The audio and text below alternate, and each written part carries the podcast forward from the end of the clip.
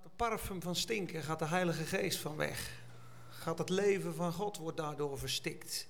Dat is praten over het werk van de duivel op een verkeerde manier. Wat hem eer brengt. En vanavond ons, ons doel om Jezus eer te brengen en Satan te vernederen. Op zijn plek waar hij is, de verslagen vijand. En hij is verslagen door Jezus. En toch is er nog een strijd die we moeten vechten. Daarom staat hier, de God van de vrede zal de Satan spoedig onder uw voeten verpletteren.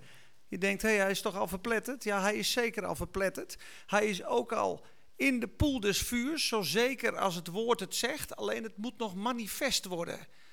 De volheid van de tijden is nog niet gekomen in die zin dat we in openbaring 21 en 22 beland zijn. Maar daar staat, zie, alles is volbracht.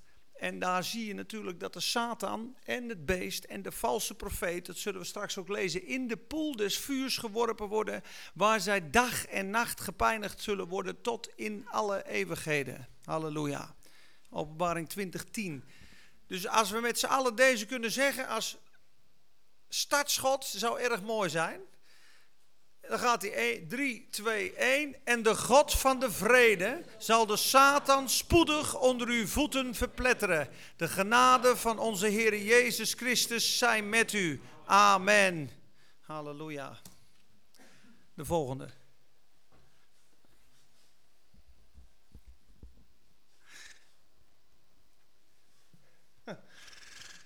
Ja, waar komt hij vandaan? Doe maar gelijk de volgende. Ik wil er niet heel erg lang bij stilstaan, maar ik wil het wel zeggen. Waar hij vandaan komt, wie hij was. Uh, ook gewoon om te weten uh, waar hij vandaan komt, wat er gebeurde. Satan was een overdekkende gerub. Je hebt Michael, dat betekent wie is als God. Die beschermt de heerlijkheid van God. Dat is een oorlogsengel, een archangel. Met andere woorden stelt hij een vraag. Wie is als God? Heb je praatjes? Wie is als God? Niemand is als God. Heb je een probleem met Michael? Heb je nog Gabriel. Daar weet ik niet zo heel veel van, maar dat is vaak iemand die een boodschap komt brengen van de wijsheid van God. Hij komt bij Daniel. Gabriel geeft deze het gezicht te verstaan. Daniel 8:16. En dan maakt hij het bekend aan Daniel. En Lucifer, lichtdrager, was de derde. En die is gevallen. En ik begin te lezen in Ezekiel 28, vers 11 tot 19. Het woord van de Heere kwam tot mij. Mensenkind, hef een klaaglied aan over de koning van Tyrus en zeg tegen hem, zo zegt de Heere Heere, uw toonbeeld van volkomenheid, vol van wijsheid en volmaakt van schoonheid. U was in Eden, de hof van God. Allerlei edelgesteente was uw sieraad. Robijn, topaas en diamant, turquoise, onyx en jaspis, saffier, smaragd, beryl en goud. Het werk van uw tamboerijnen en uw fluiten was bij u. Op de dag dat u geschapen werd, waren ze gereed. U was een gerub die zijn vleugels beschermend uitspreidt. Daarvoor heb ik u aangesteld. U was op Gods heilige berg. U wandelde te midden van vurige stenen. Volmaakt was u in uw wegen, vanaf de dag dat u geschapen werd, totdat er ongerechtigheid in u gevonden werd. Door de overvloed van uw handel vulde men uw midden met geweld en ging u zondigen. Daarom verbande ik u van de berg van God en deed ik u verdwijnen, beschermende gerub uit het midden van de vurige stenen. Vanwege uw schoonheid werd uw hart hoogmoedig. U richtte uw wijsheid te gronden vanwege uw luister. Stop ik hier even. Je ziet dus dat hij in Ede was dat het een prachtig wezen was met allemaal kostelijk gesteente. En zijn werk van zijn pijpen, tamboerijnen en trommelen was bij hem. Hij had een ingebouwd muziekorgaan. Hij was de engel van de aanbidding. Daarom is hij ook veel te vinden op de dansvloer, waar hij de hemel kopieert. Dan kun je heel duidelijk zien de lichtflitsen, de donder, de rook, de stemmen. Mensen die staan in extase. En hij zit op de onzichtbare troon. Satan wil God kopiëren. Satan wil aanbeden worden. En het, het werk was dus bij hem. En hij was volmaakt in al zijn wegen. Volmaakt in schoonheid. Totdat ongerechtigheid in hem werd gevonden. Ga ik naar de volgende. Want er staat nog een stuk in de Bijbel, identiek een beetje aan dit stuk. Dat staat in Jezaja 14. En daar lees ik ook een stuk van. Het rijk van de dood beneden raakte om u in beroering, om u tegemoet te gaan, wanneer u zou komen. Het schudt te willen van u de gestorvenen wakker, al de leiders van de aarde. Het laat van hun tronen opstaan al de koningen van de volken. Zij zullen allemaal het woord nemen en zeggen tegen u: Ook u bent nu zo zwak geworden als wij. U bent aan ons gelijk geworden. Uw trots, zie je? Dan zie je hem weer. Uw trots ligt neergeworpen in het graf, met de klank van uw luiten. Onder u is een bed van maden gespreid, en wormen zijn uw deken. O, hoe bent u uit de hemel gevallen, morgenster, zoon van de dageraad. U ligt geveld op de aarde, overwinnaar van de heidevolken. En nu, zegt, nu zie je ook wat er gebeurde. Hè? Hij zei in zijn hart, u zei in uw hart, ik zal opstijgen naar de hemel. Tot boven Gods sterren zal ik mijn troon verheffen. Ik zal zetelen op de berg van de ontmoeting aan de noordzijde. Ik zal opstijgen boven de wolkenhoogte. Ik zal mij gelijkstellen aan de Allerhoogste. Zie je dat? Dat zei hij. De vijf ik-zals van Satan zijn dat. Ik zal, ik zal, ik zal aan God gelijk zijn. Echter, u bent in het rijk van de dood neergestort. In het diepste van de kuil. Wie u zien, kijken u aan en letten op u en later zullen ze zien. Is dit nu die man die de aarde deed sidderen? Die de koninkrijken deed beven? Dan zul je zien dat hij niks was. Dat hij alleen maar kon misleiden en verdraaien en liegen. Is dit hem? Is dit hem echt waar? Is dit hem? Dat zullen ze straks zeggen van Satan. Hij is absoluut gevallen. En hij was dus een gerub.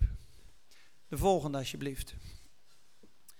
We willen een stukje inleiding doen naar zijn afkomst. Wie is hij? Wat is zijn doel? Hij heeft vele namen, er kan ook veel meer over gezegd worden. We kunnen niet alles behandelen. Maar de belangrijkste namen die Satan heeft, hij heeft volgens mij wel zo'n lijst. De zoon des verderfs. En er zijn heel veel meer namen, maar de hoofdnamen waar hij in de Bijbel mee aangesproken wordt, dat is Satan, dat is de duivel en dat is de slang en de draak. Dat zijn de drie kenmerken van zijn aard. En Satan, die adversary, de tegenstander, is de aanklager, de grote aanklager. Een van de voornaamste taken van Satan, en wat hij doet, is aanklagen. Hij klaagt aan. En we zullen straks zien, gaan ook behandelen, hoe overwinnen we hem? Hoe blijven we in overwinning? Je zal zien dat de Bijbel, de Bijbel, ik heb er een paar liggen, is een van de grootste wapenen om de vijand te verslaan. Door de hele Bijbel heen zullen we straks zien. Jezus versloeg hem met het woord.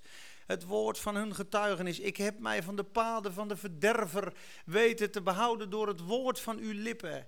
Het woord, jongelingen, het woord is in u en gij hebt de boze overwonnen. En het bloed van het lam, dat gaan we ook, dat gaan we ook zien. De Satan is onder onze voeten. Wij zijn in hemelse gewesten gezeten, ver boven alle macht en kracht en heerschappij. En we hoeven alleen onze positie vast te houden. Wat hij doet, is ons verleiden tot een strijd die al gestreden is. Dus blijf zitten, blijf smilen, blijf lachen. We hebben al gewonnen. Amen. Dus hij klaagt aan. Voornamelijk is zijn natuurlijk resist. resist. Hij is wederstander. Hij, hij blokkeert. Op onrechtmatige grond houdt die dingen tegen. Je hebt vrij baan om te lopen en er is druk. En het is als iemand die niet betaalt. Ik hoorde onderlaatst het verhaal. Uh, stel je voor, je gaat naar de notaris, je koopt een huis. Alles is geregeld, er is betaald, de handtekening is gezet. Maar je komt bij dat huis aan en er zit nog een kraker in, in het huis. Ja, maar dit is mijn huis. Nou, ik ga er niet uit. Nou, ik heb hier toch echt het rechtmatige bewijs. Dit is mijn huis. Tenzij er betaald is voor het huis, kun je de ME niet bellen. En die man belde de ME. En of die eruit ging, die kraker. Hij had een schoon huis. En zo is het met Satan ook. Hij test ons of we weten of we betaald hebben. Dus hij zegt, ik ga er niet uit. Ik ga hier niet van die plek. Dan moet je af en toe ook optreden, ja. Ik denk niet dat je zegt, krakertje, wil je nu even weggaan? Ik denk niet dat dat gaat werken. Ik denk dat eruit, dat dat meer overkomt. Ik neem aan, voor de, ik weet niet of jullie eigen kantoor hebben, of Robert of Maria morgen op kantoor komt, als er een ander op jouw stoel zit met zijn benen op het bureau. Neem aan dat je niet heel erg rustig blijft. Voor hem eruit wil sturen. Ja. En daarna, als hij dan zegt, ik ga niet en wie ben jij? Dan wordt het wel een andere strijd, denk ik. Nou, dat doet de boze ook. Dus hij test ons van waaruit welk hout wij gesneden zijn. Hebben wij de openbaring en de wijsheid en de overtuiging van God? Is daar ook het geloof en de vrijmoedigheid? Wordt de kracht van God in werking gezet? En dan zal hij vlieden. En dan komt ook de Engelse macht, of de, engel, de engelenmacht, de Engelse macht, Engelse engelen, die komen ons te hulp. De, de, de volgende naam die hij heeft is de duivel, diabolos in het Grieks. Dat betekent eigenlijk het woord hij die door elkaar gooit. Hij sticht verwarring.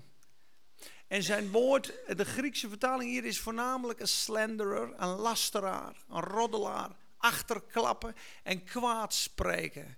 Het is echt influisteren. Op het moment dat je negatieve gedachten krijgt over een andere persoon of over jezelf, of over situaties, is allemaal Satan kwaad spreekt. Hij die gezien? Oh, dat is ook zo'n vervelende. Dat stemmetje is ook al Satan. En dan doet hij ook twijfelen aan God en twijfelen aan jezelf. Een vals beschuldiger is hij daar ook. En dan hebben we natuurlijk de slang en de draak. De draak is de vernietiger, die boezemt in met angst. En de slang is de meest subtiele en de meest lichtige. Hij verleidt heel subtiel. Hij beschuldigt, hij klaagt aan en hij wederstaat. Dat zijn voornamelijk zijn tactieken. Hij heeft er nog wel meer, maar als je die drie uitgeschakeld hebt, je staat in overwinning, denk ik dat hij, niet, uh, dat hij niks uitricht in je leven. Dat weet ik wel zeker. Amen. Dit is een mooi stuk, de volgende.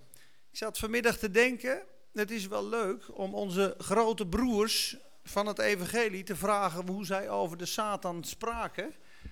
En Jezus, Paulus de apostel en dan de drie hoofdapostelen zijn Petrus, Johannes en Jacobus.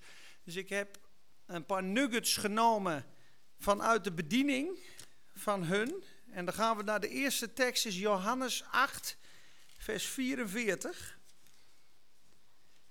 En daar staat Jezus met fariseeën te praten. Joden, vers 31, die in hem geloofden. Dus die waren ook nog vrij serieus met hem. En dan zegt Jezus iets tegen hen. En begin ik in vers 44. Dit is wat Jezus zegt over de boze. En ik begin iets eerder om de context wat beter te begrijpen.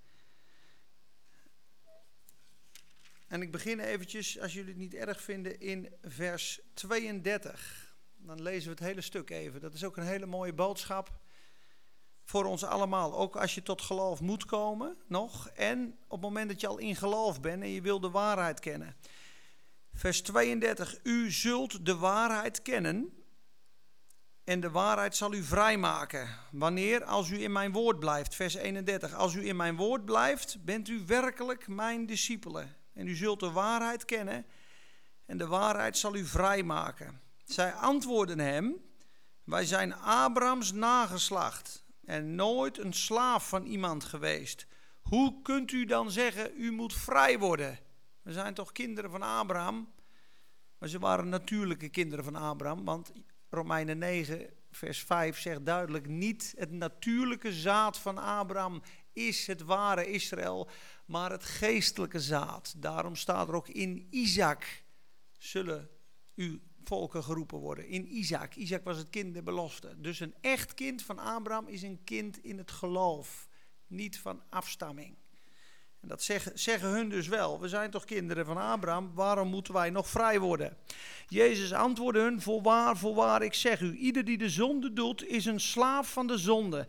En de slaaf blijft niet eeuwig in het huis, de zoon blijft er eeuwig. Als dan de zoon u vrijgemaakt heeft, zult u werkelijk vrij zijn. Ik weet dat u Abrahams nageslacht bent, maar u probeert mij te doden, omdat mijn woord in u geen plaats krijgt. Ik spreek over wat ik bij mijn vader gezien heb. U doet dus ook wat u bij uw vader gezien hebt. En zij antwoordden en zeiden tegen hem: Abraham is onze vader. Jezus zei tegen hen: Als u Abrahams kinderen was, zou u de werken van Abraham doen. Maar nu probeert u mij te doden. Een mens die u de waarheid gesproken heeft, die ik van God gehoord heb. Dit deed Abraham niet. U doet de werken van uw vader. Ze zeiden dan tegen hem: Wij zijn niet geboren uit hoererij. Wij hebben één vader, namelijk God. Jezus dan zeide tegen hen: Als God uw vader was, zou u mij lief hebben. Want ik ben van God uitgegaan en gekomen. Want ik ben ook niet uit mijzelf gekomen, maar hij heeft mij gezonden. Waarom begrijpt u niet wat ik zeg? Omdat u mijn woord niet kunt horen. En nu komt hij. Wat een heftig woord. U bent uit uw vader de duivel. En u wilt de begeerte van uw vader doen. Wat was de duivel? Een mensenmoordenaar van het begin af en niet in staat en staat niet in de waarheid, want er is in hem geen waarheid. Wanneer hij de leugen spreekt, spreekt hij vanuit hemzelf, want hij is een leugenaar. Ja, hij is de vader der leugen. Een mensenmoordenaar en leugenaar, de vader der leugen. Dat is de leugenaars van de leugenaars van de leugenaars. Eigenlijk heeft hij de leugen uitgevonden. Hij was volmaakt in zijn wegen, totdat de ongerechtigheid in u gevonden werd. Dat is vrij heftig. Wil ik nog een stukje gaan? Dus Jezus zegt hij is een leugenaar. Dat is wel een mooie. Paulus, 2 Korinthe 11. Gaan we even verder bladeren of op je telefoon. En dan. Paulus beschrijft een mooi stuk in vers 3. En Paulus noemt hem sluw. Maar ik vrees dat zoals de slang met zijn sluwheid Eva verleid heeft, zo misschien ook uw gedachten bedorven worden van de eenvoud die in Christus is. En aan het eind van dit stukje, uh, vers 14, zegt hij, geen wonder, want de Satan zelf doet zich voor als een engel des lichts. Hier staat doet zich voor, in andere vertaling staat het nog beter. Hij komt als een engel des lichts. Niet hij doet zich voor, hij komt als een engel des lichts. Dus hij komt, ik ben de lichtbrenger, maar hij is de leugenaar. Petrus, gaan we nu niet lezen, noemt hem een briesende leeuw. Die verslindt. Dus het is een verslinder, het is een leugenaar, het is een hij komt als een engel des lichts. Het is een meesterverleider. 1 Johannes noemt hem een antichrist. Johannes praat over vertrouw niet alle geesten, alle geesten die uit God zijn. Die beleiden dat Jezus in het vlees gekomen is. Sterker is hij die in u is dan die in de wereld is. Die, die zit, zegt, zet hem ook weer neer in de misleiding. En Jacobus, die is ook heel mooi om te lezen. Dat vind ik een van de favorieten. Dat zeg ik ook vaak op het moment dat ik aangevallen word. Dan denk ik, Satan, jij beeft. Jij beeft voor Jezus. En Jezus is in mij. Dus als het goed is, beef jij ook voor mij. En dat zeg je wel eens. Mensen zeggen wel eens, ik geloof in God. Hè? Ook in een evangelisatieactie. Ken je God? Ja, ik geloof in God. Ja. Dan kan je ook deze tekst oplezen. Geloof jij in God? U gelooft dat God één is, dat doet u erg goed aan. Maar de demonen, de demonen geloven dit ook. En zij sidderen. Dus geloof in God. Wat is geloof in God? Ik geloof dat hij bestaat, dat doet de duivel ook. En hij siddert. Nee, het echte ware geloof in God legt zijn leven neer, bekeert zich, beleidt zijn zonde en zegt: Niet ik meer, maar u gaat in mij leven. Ik geef mijn leven aan u. Ik stel mijn vertrouwen op u. U moet mijn verlossing worden. U moet mijn redding worden. U moet mijn heiligheid worden, want ik faal. Dat is het ware geloof. Maar ik geloof dat die bestaat. Dat geloven de duivelen ook. En zij sidderen. De volgende, hoofdstuk 4, vers 7, weer Jacobus. Dat is een aanvaller. Hier beschrijft hij hem als een aanvaller. Vers 7. Onderwerpt u dan aan God, biedt weerstand aan de duivel en hij zal van u wegvluchten. Amen. Duidelijk? Zo wordt hij neergezet. Hè? Het is een listige vijand. Maar we gaan alle wapens na En we gaan hier als overwinnaars en vol geloof gaan we hier de zaal uit. We hebben echt gebeden dat Satan hier vernederd wordt en Jezus verheerlijkt wordt. Hij kan wel, de Bijbel spreekt hierover. Dit is hoe die is. We moeten wakker zijn. Paulus zegt ook, zijn gedachten zijn ons niet onbekend. We kennen, we weten hoe die werkt. Je moet alert zijn. Je moet weten hoe die werkt. Maar de wapens zijn voluit overtuigend, voluit krachtig genoeg. Hij heeft geen schijn van kans bij een waakzame gelovige. Dus wees niet bang, totaal niet. Ik wil nog een klein stukje laten zien. Hij is dus van de Gerubs, de volgende, sorry ja.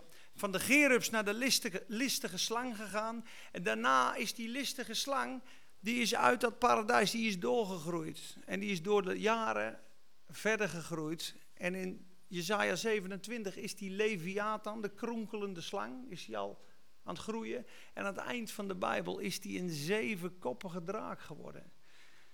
En hij is uit de hemel geworpen. En je zult zien hoe die hier verslagen wordt. Ik begin in vers 3 vanwege de tijd.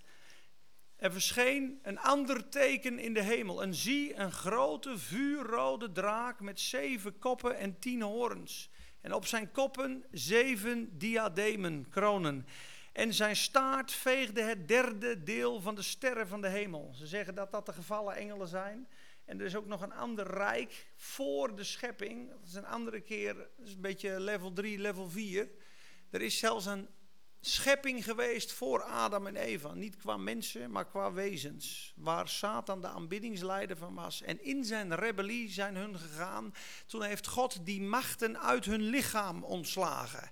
De disembodied spirits noemen ze dat. En die zweven nu dat zijn de boze geesten. En daarom willen ze ook zo graag in mensen komen.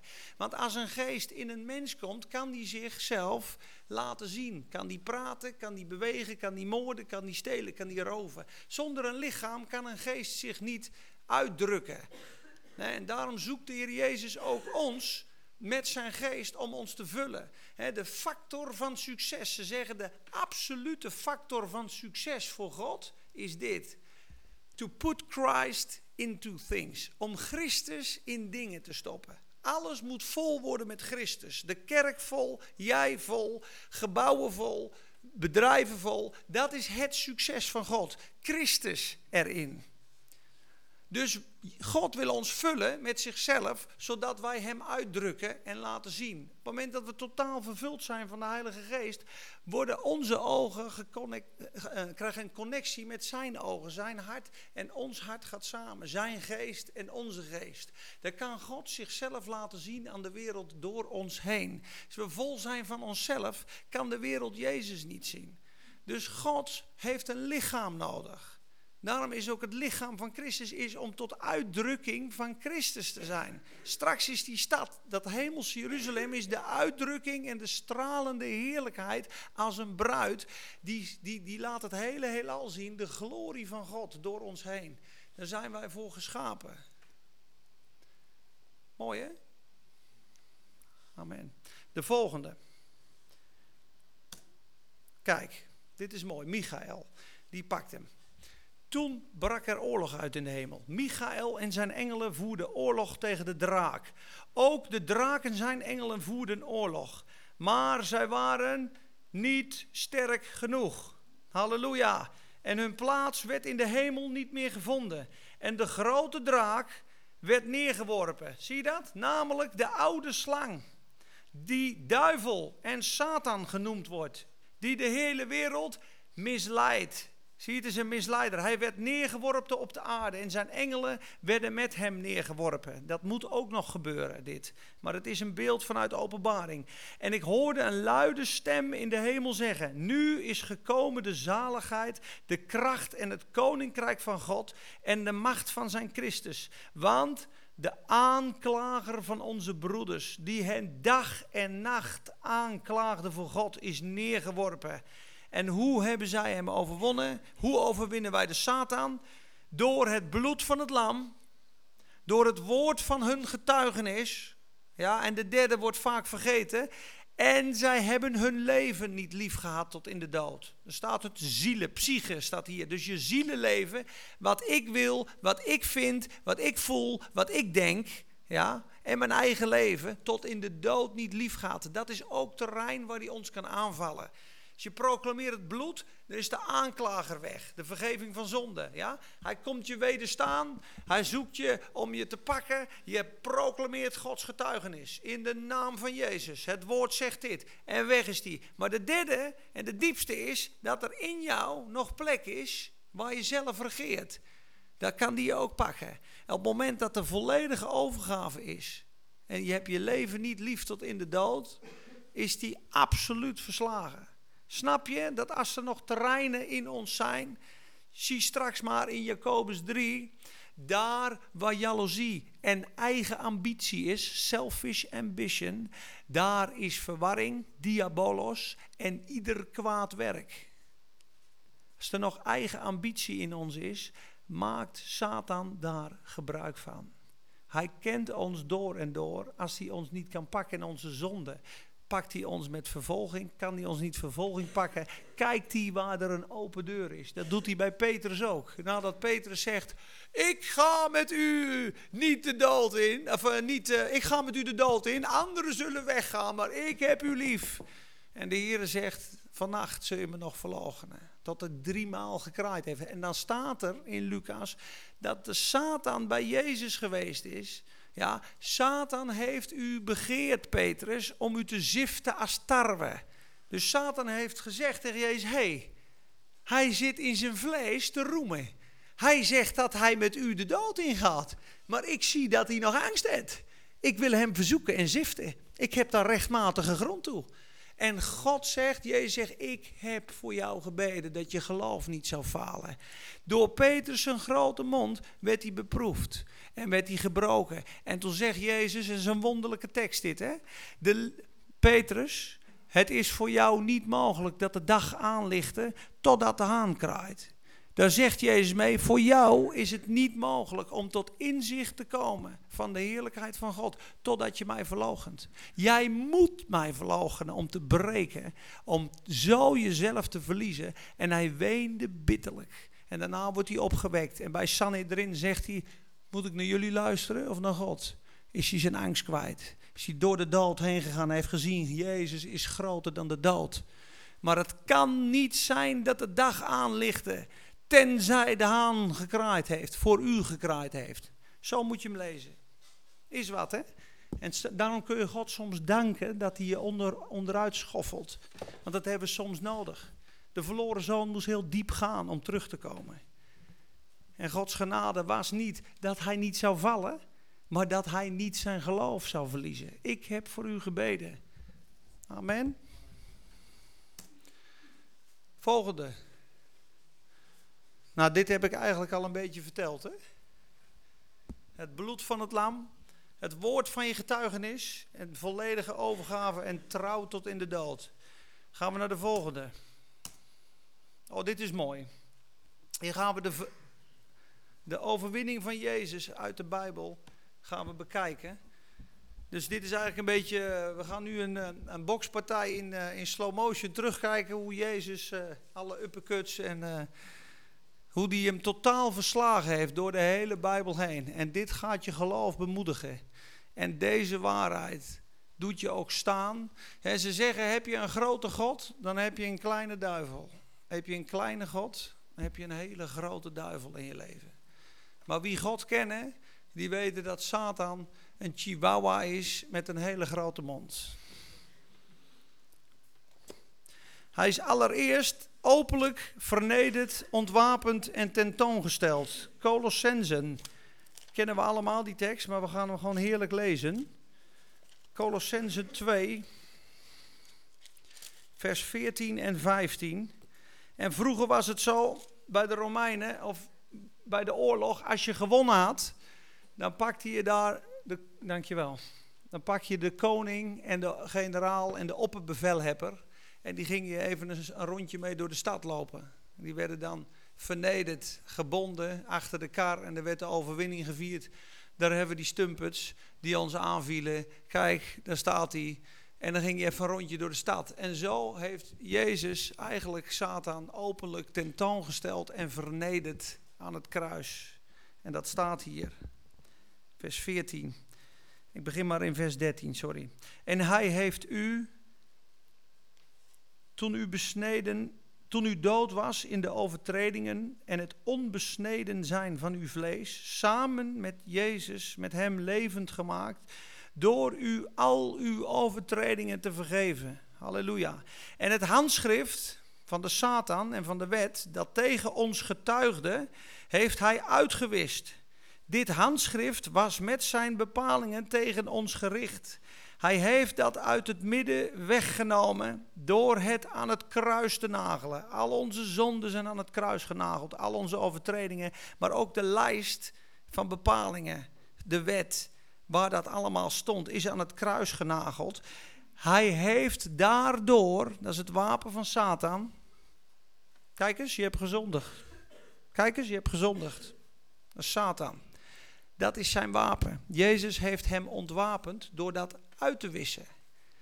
Dus het bevel, je moet nagaan, er komt een deurwaarder aan je deur en je hebt betaald en hij komt onrechtmatig met een lijst die leugen is. Uh, ja, uh, meneer Duist staat dat hij hier 80.000 euro moet betalen. Als u niet betaalt, komen we vandaag de hele inboedel leeghalen en moet uw huis verkocht worden. En ik heb bewijs. Dat doet Satan dus. En als je dus niet weet dat Jezus dat uitgewist heeft en aan het kruis alles volbracht heeft, dan ga je daarop in. Dan zeg je, ja, maar dat heb ik niet. Ik kan, ik kan u niet betalen. Kan, kunnen we een betalingsafregeling een, uh, regeling afspreken? Nee, dan zeg je, er is betaald, ga weg. Anders laat ik je oppakken.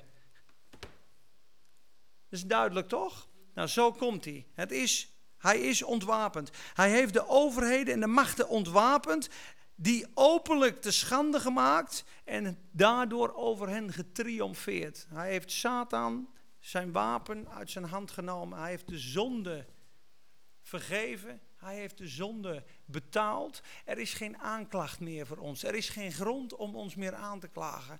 Want het antwoord is: er is betaald. Er is geen aanklacht meer voor een gelovige. Want Jezus bloed heeft gevloeid. Het handschrift is uitgewist. De zonde van het vlees, vers 13, daar zijn we van besneden in de geest. Je moet nagaan, voor God ben je een geestelijk mens in Christus, een nieuwe schepping, geboren en geschapen in rechtvaardigheid en ware heiligheid. Dat vlees hier, dat lijkt nog te zondigen. Maar God heeft dat al lang eraf gestript. Dat staat er. Wij waren dood in de overtredingen en de onbesnedenheid van ons vlees, van ons lichaam. Maar dat heeft Jezus eraf gesneden. Dus het lijkt nog wel dat je zondigt, maar voor God is dit geregeld. Hij heeft dit eens en voor altijd aan het kruis genageld. Dat is onze overwinning. Anders staan we elke dag schuldig. Op het moment dat we falen, moeten we natuurlijk naar God zeggen en het bloed proclameren. Want het richt zeker wat aan. Maar de zonden zijn verzoend aan het kruis. Er is eens en voor altijd betaald. Efeze 1, vers 7 zegt: In hem, dat is een ongelovige niet, een ongelovige is niet in Christus. In hem, dus een gelovige, hebben wij de verlossing, de vergeving der misdaden, naar de rijkdom van zijn genade.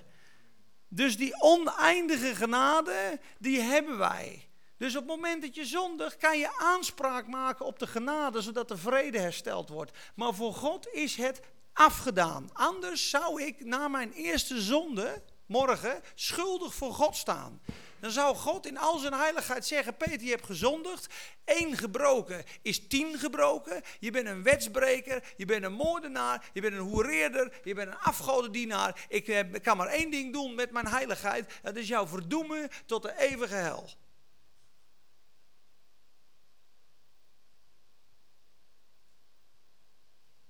Ja, als, als onze zonden niet vergeven zijn, zouden we bij de volgende zonde schuldig voor God staan.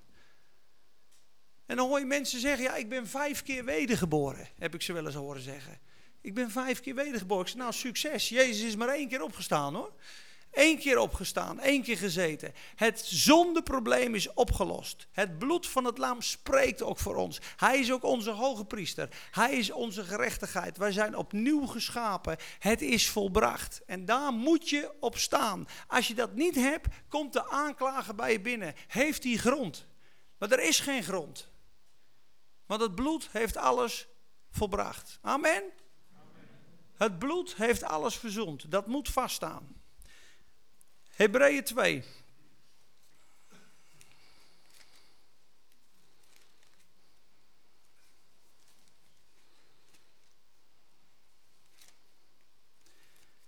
Hebreeën 2, vers 14. Even mijn jasje uit, het wordt warm.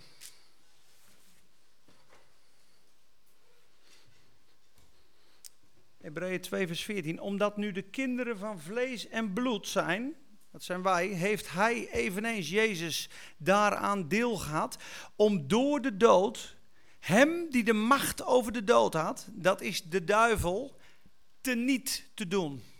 Hebreeën 2, vers 14. De duivel is teniet gedaan. En let op, doordat hij de dood vernietigde, vers 15, heeft hij allen verlost die door angst voor de dood, dit doet angst voor de dood, hun hele leven aan de slavernij onderworpen waren.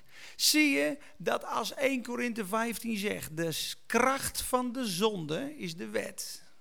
Ja, de kracht van de zonde is de wet. Dus je komt onder wet, dan ga je zondigen. De angel van de zonde, de prikkel van de zonde, is de dood. Op het moment dat je zondigt, zegt Satan, hé, hey, jij moet sterven. Dat is te doodwaardig. Zie je dat als jij de, onder de macht van de dood zit, dat je in slavernij en gebondenheid komt? Dan staat er. Hij heeft hem die de macht had over de dood, dat is de duivel, teniet gedaan. Op die manier heeft hij allen verlost die door de angst voor de dood aan de slavernij onderworpen waren. Halleluja.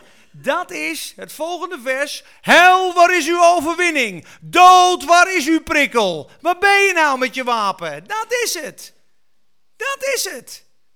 Dan ontneem je Satan de grond. Want hij zegt, je sterft. Je gaat dood. Ik maak je bang met de dood. Je bent onvolmaakt. En Jezus zegt, Hij is volmaakt in mij. Jij bent vernietigd. Voor God is het al gebeurd. God kijkt in geloof. God kijkt in de eeuwigheid. Wij kijken hier en nu. Wij kijken naar onze zwakheid. Wij kijken naar de staat waar we nu in zijn. En God ziet het eindproduct. En dat is de overwinning die we hebben. En daarom moet je volharden tot het einde toe. En daarom moet je wachten tot de Satan onder onze voeten gebracht wordt. Hij is al verslagen. Voor God is het gedaan. Dus als je op de eeuwigheid kijkt, zie je zelf staan bij de finish, opgeheven handen, in een kroon, met een krans. Jezus heeft het voor mij volbracht. Amen. Zo moet je jezelf zien. Dat is de overwinning. Dan zie je jezelf ook zitten in de hemel. Dan zie je jezelf ook staan als een overwinnaar. Dan ben je uit de zwakheid gekomen in de kracht van God. Dan is het oude voorbij gegaan. Alles is, alles is nieuw geworden. Hij rekent de zonde niet meer aan ook. Hij staat als hoge priester voor ons te bidden.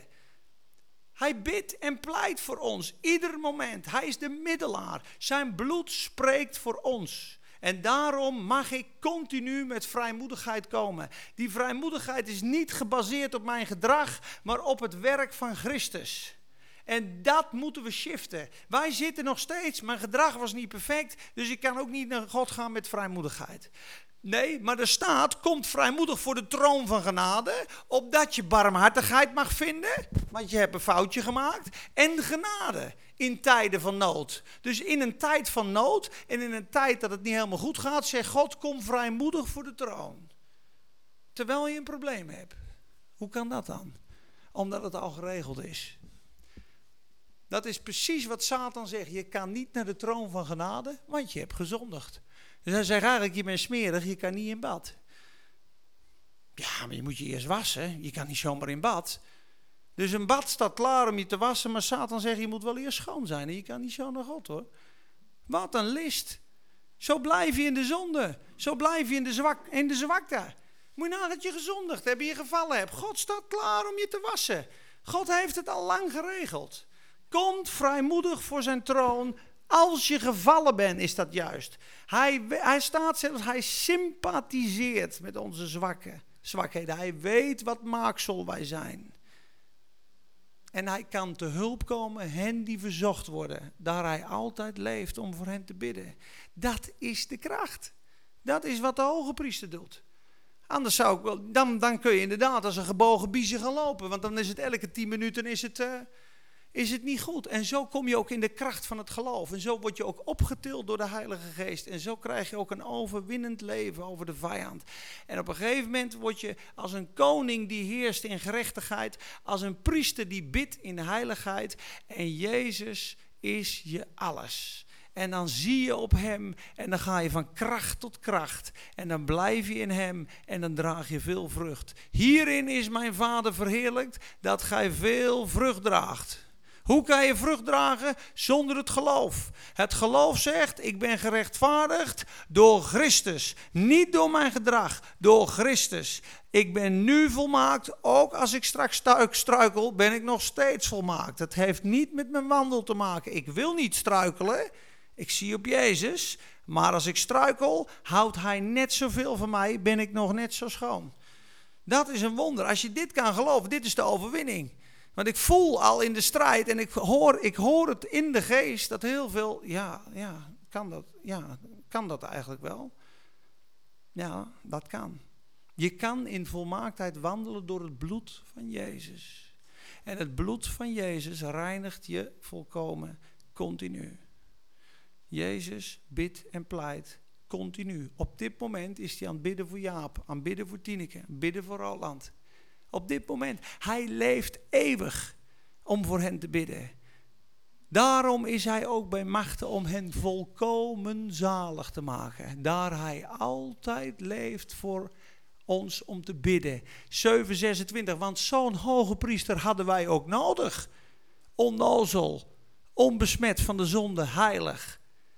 Want als we geen vergeving hadden, staat er, dan had hij vele malen gekruisigd moeten worden van de begin, grondlegging van de wereld af. Maar dit heeft hij gedaan eenmaal met de offeranden van zichzelf. Dat is Hebreeën 7. Lees Hebreeën 7 maar. Dat is het wonder. Dat is ook de tweede bediening van Jezus. Wij zien het kruis, hij heeft ons vergeven, maar de tweede bediening van Jezus is zijn hoge priesterschap. Hij leeft altijd om voor ons te bidden. Dat is geweldig. Hij bidt en pleit op dit moment. Daarom zegt uh, Romeinen 8 dat toch ook zo mooi.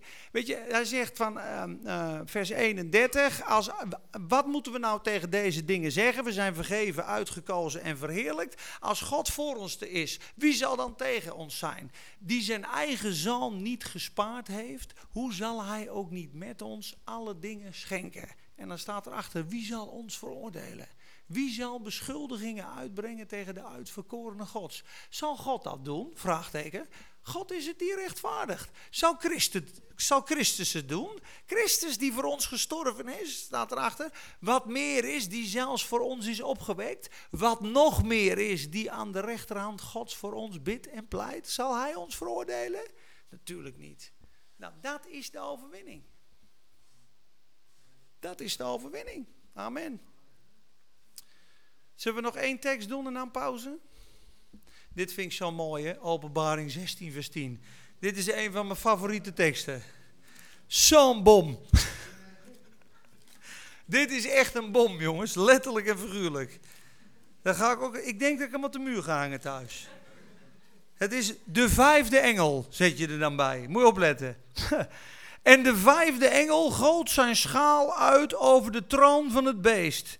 En zijn koninkrijk werd verduisterd. En zij beten op hun tong van de pijn. Is toch geweldig? Dan komt er zo'n engel aan met een schaal, engeltje nummer 5. En dat hele koninkrijk van die Satan wordt verduisterd.